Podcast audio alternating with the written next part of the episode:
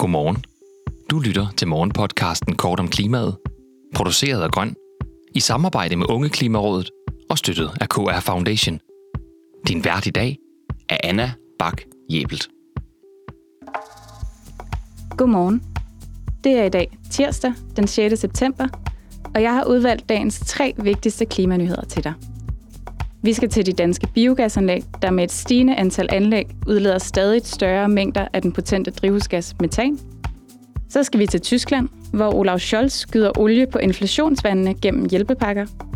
Til sidst skal vi til et storstilet havvindmølleprojekt fordelt på fem lande, der i alt udgør op til 29 gigawatt.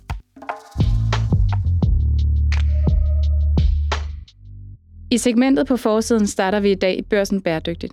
De skriver, at de danske biogasanlæg udleder store mængder metan, men at Energistyrelsen ikke vil stille krav til at måle det samlede omfang af problemet. Og uden et samlet billede vil Danmark ikke kunne leve op til sine klimamål, mener Klimarådet. Jette Bredal, der er næstformand i Klimarådet, udtaler, at udslip af metan er et stort problem, fordi det er en ret potent drivhusgas. Vi står til at have en kraftigt stigende biogasproduktion frem mod 2030, og hvis man vil bruge brændsel, er det vigtigt at styr på de her tal. Og biogasproduktionen forventes at blive fordoblet frem mod 2030 og at udgøre i alt 70 procent af Danmarks samlede gasforbrug. Det vil dermed blive et voksende problem, hvis der ikke bliver lavet et samlet billede af metanudslippet. Derfor er både Klimarådet og Dansk Miljøteknologi lige nu et høringssvar inde ved Energistyrelsen, hvor de har stillet spørgsmålstegn ved, hvorfor der ikke stilles krav til totalmålinger af metan fra biogasanlæggene. Og som Charlotte Scheutz, professor og sektionsleder ved DTU, siger, hvis man skal kunne dokumentere, hvor meget man har reduceret sin udledning med, så har man brug for at kende hele udledningen på anlægsbasis, siger hun og tilføjer. Så jeg har svært ved at se, hvordan man vil bruge den her regulering i det nationale klimaregnskab og til at opfylde 2030-målsætningen, når man ikke kommer til at kende de samlede udledninger.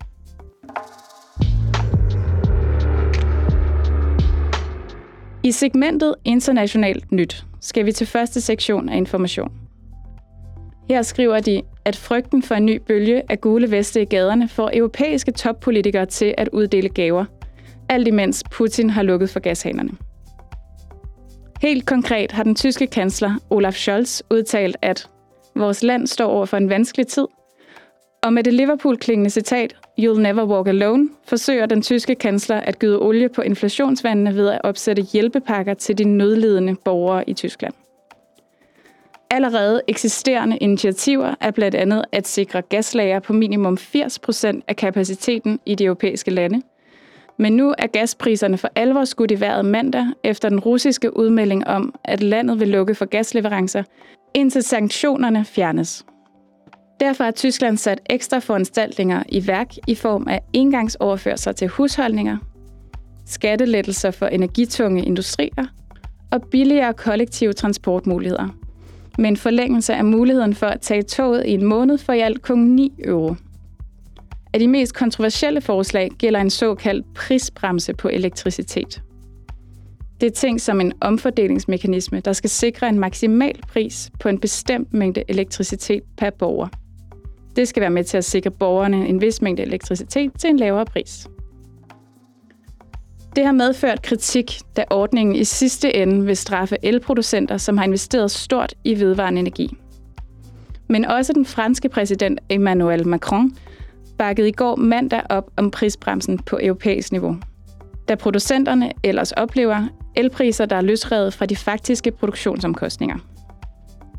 Hvis den nævnte prisbremse får opbakning på europæisk niveau, er det dog op til de enkelte medlemslande, hvor meget producenterne må tjene på elproduktionen, og hvordan landets borgere bliver kompenseret for de stigende priser generelt. Hele denne debat spiller ind i, hvordan vi både sikrer en løbende grøn omstilling, samtidig med en akut energiforsyningskrise i en tid med både krig og inflation.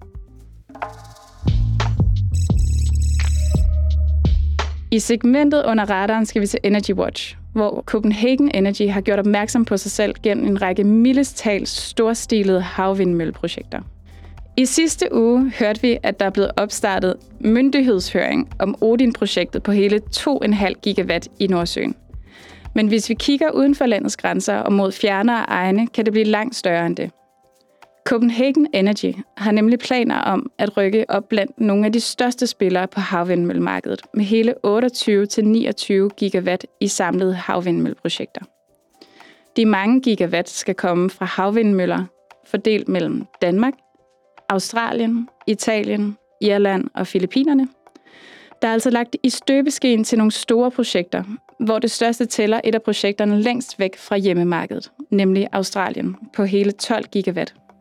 Australien har ellers i lang tid primært fokuseret på energi fra fossile brændsler som kul, olie og gas, men kigger nu i retning af den vedvarende energi og Copenhagen Energy, efter regeringsmagten skiftede i juni dette år. Den slags projekter kræver store investeringer, og her har Copenhagen Energy ikke tænkt sig selv at betale ved kasse 1. Modsat selskaber som Copenhagen Infrastructure Partners, Ørsted og Equinor, der selv laver milliardstore investeringer, vil Copenhagen Energy få kapitalstærke partnere med tidligt i processen. Copenhagen Energy vil selv beholde førerrollen indtil byggeprocessen går i gang, hvor vores partner så vil overtage styringen, lyder det fra deres administrerende direktør.